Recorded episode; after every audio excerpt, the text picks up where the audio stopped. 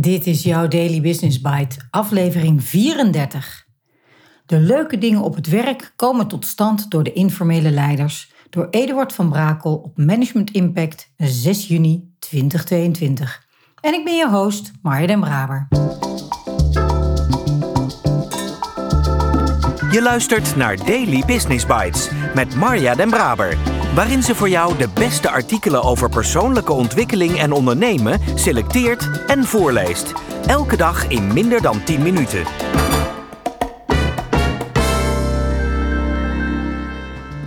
Dit is de podcast waar je kunt luisteren naar artikelen van experts op het gebied van ondernemen en persoonlijke ontwikkeling. Elke dag van het jaar in 10 minuten of minder. Uit de bijna oneindige stroom blogs en artikelen die geschreven worden, pik ik de meest interessante er voor jou uit. Let's start. Informeel leiderschap maakt deel uit van de sociale infrastructuur van bedrijven en is daarom een wezenlijk onderdeel van organisaties. Volgens auteur en onderzoeker Peter van Lonkhuizen zijn er in elke organisatie mensen nodig die zaken in gang zetten en anderen meenemen. Hij schreef er een boek over, Informeel leiderschap.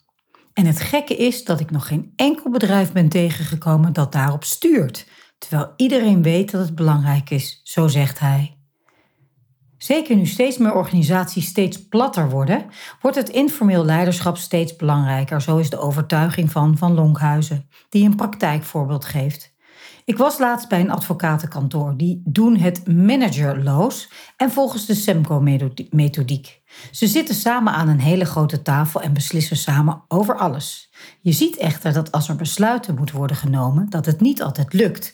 Tenzij er mensen aan tafel zitten die net wat meer ervaring hebben, net wat daadkrachtiger zijn. Het samen beslissen werkt dus vaak pas als er mensen bij zijn die de daadkracht hebben of het leiderschap tonen om hun collega's in een bepaald besluit of bepaalde actie mee te nemen.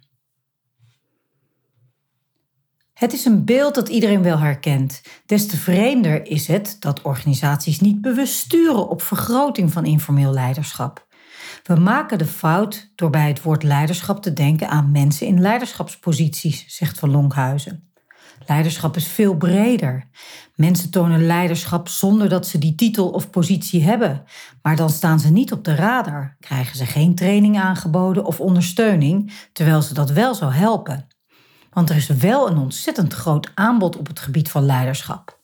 Als je management trainee bent, wordt er zo een ton tegen aangegooid, maar voor die andere categorie gebeurt dat niet. We moeten dus anders gaan kijken naar leiderschapstalent, zo wil hij maar zeggen. Informele leiders heb je overal, in ieder team. Vaak zijn het mensen waar anderen tegen opkijken en die door andere collega's gewaardeerd worden. Ze hebben een belangrijke rol omdat ze dat team meenemen in een positieve beweging. Ze hebben dus geen formele positie, dus ze moeten het doen met hun persoonlijke overtuigingskracht. Informele leiders moeten hun collega's dus echt raken met zo gaan we het doen of zo kan het beter. Daarmee zijn ze een veel betere motivatie voor het team dan de formele leider die zegt: ik heb hier de targets, ik weet niet, ik weet wat je wel en niet moet doen. Dus dat het belangrijk is, dat ziet iedereen wel in. Alleen hoe je dat dan stimuleert en verbetert, is en niet eenvoudig. En je hebt niet meteen een resultaat. Het blijft, net als het onderwerp cultuur, lastig te bewijzen.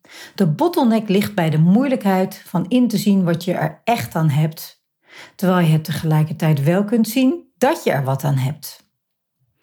De hiërarchische cultuur, die ondanks de verplatting nog in veel organisaties aanwezig is, helpt ook niet mee bij het ontdekken van dat andere talent, stelt Van Lonkhuizen. Hiërarchische cultuur is er goed in om het informele leiderschap te vernietigen. Als je mensen niet de ruimte geeft, het informele leiderschap niet waardeert, dan raken mensen gefrustreerd. Je gaat dan niet een extra stapje zetten als je wordt dwarsgezeten. Op den duur houdt het op en vertrekken je leiders. Dan gaan ze hun informele leiderschap niet tonen op het werk, maar in de buurt waar ze wonen of bij de volleybalclub. Om er toch voor te zorgen dat die informeel leiders blijven, moet er veel meer op basis van vertrouwen worden gewerkt. En dat gebeurt lang niet altijd. Maar dat is ook geen wonder als de hele maatschappij zo is ingericht. Het aantal controles in organisaties is de afgelopen twintig jaar alleen maar vergroot, verzucht van Lonkhuizen. Je hebt nog meer in- en externe toezichthouders, nog meer wetten en regels. En op het moment dat er iets misgaat, komt het in alle kranten en op social media. Maar wat moet er dan gebeuren? De auteur van Informeel Leiderschap legt het uit. Je moet het de ruimte geven, waardering uitspreken en vertrouwen. Vertrouwen dat mensen het fijn vinden om hun werk goed te doen. We hebben nog steeds moeite om mensen vertrouwen te geven. We hebben platte organisaties, we hebben boeken gelezen, we hebben SEMCO, maar er wordt heel veel in structuren gedacht. Een managementlaag moet weg en verantwoordelijkheden moeten van hier naar daar. Maar het gaat eigenlijk om vertrouwen. En vertrouwen houdt in dat je erop vertrouwt dat mensen intrinsieke motivatie tonen, zelf in beweging komen en anderen daarin meenemen. Maar dat doen ze ook alleen maar als ze het vertrouwen voelen. Want op het moment dat er wel ruimte aan informeel leiderschap wordt gegeven, wordt het alleen maar leuker op het werk, denkt hij. Iedereen kan zich dingen voor de geest halen van zaken of gebeurtenissen die leuk zijn op het werk. En die zijn ontstaan omdat iemand ermee is begonnen. De leuke dingen op het werk komen vaak tot stand door de informele leiders.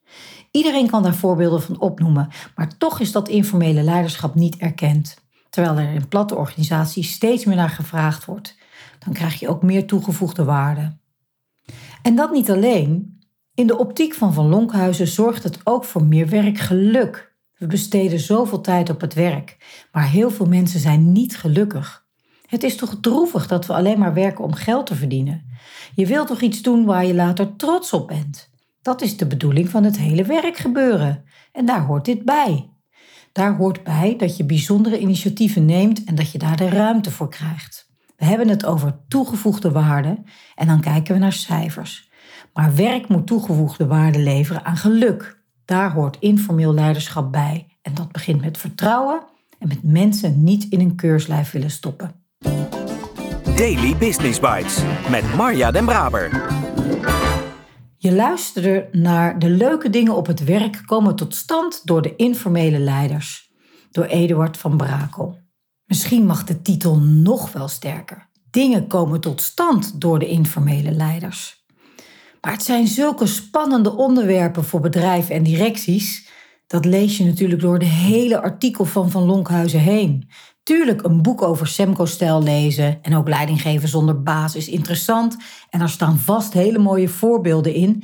Maar of die bij ons gaan werken, zo zou het in die kopjes kunnen gaan. Dus hoe pak je dat dan aan? Vertrouwen geven, ruimte geven. In ons jaartraject is een aantal ondernemers flink aan het groeien. Mensen aan het aannemen of freelance uh, trainers of coaches voor een concept te interesseren. De discussie gaat hier met elkaar ook over aan de ene kant de vrijheid geven en ruimte bieden en aan de andere kant ook een concept borgen. Het is een balans zoeken. Het is dingen uitproberen. Het is evalueren. En aan de andere kant, in grote projecten, merk ik ook dat informele leiders soms wel heel veel invloed hebben, wat niet altijd strookt met de overal belangen waar je als organisatie of team ook mee te maken hebt. Je bent er niet alleen voor je eigen stukje. En dan is het best wel weer fijn voor de rest van het team als de formele leiders een duidelijk kader neerzetten. de meest ideale situatie is natuurlijk om daar de informele leiders in mee te krijgen en die dit te laten versterken. Zoveel mooie dingen om over te praten bij dit artikel. Ik zie nog veel meer haakjes en ik kom hier vast in komende aflevering nog eens op terug.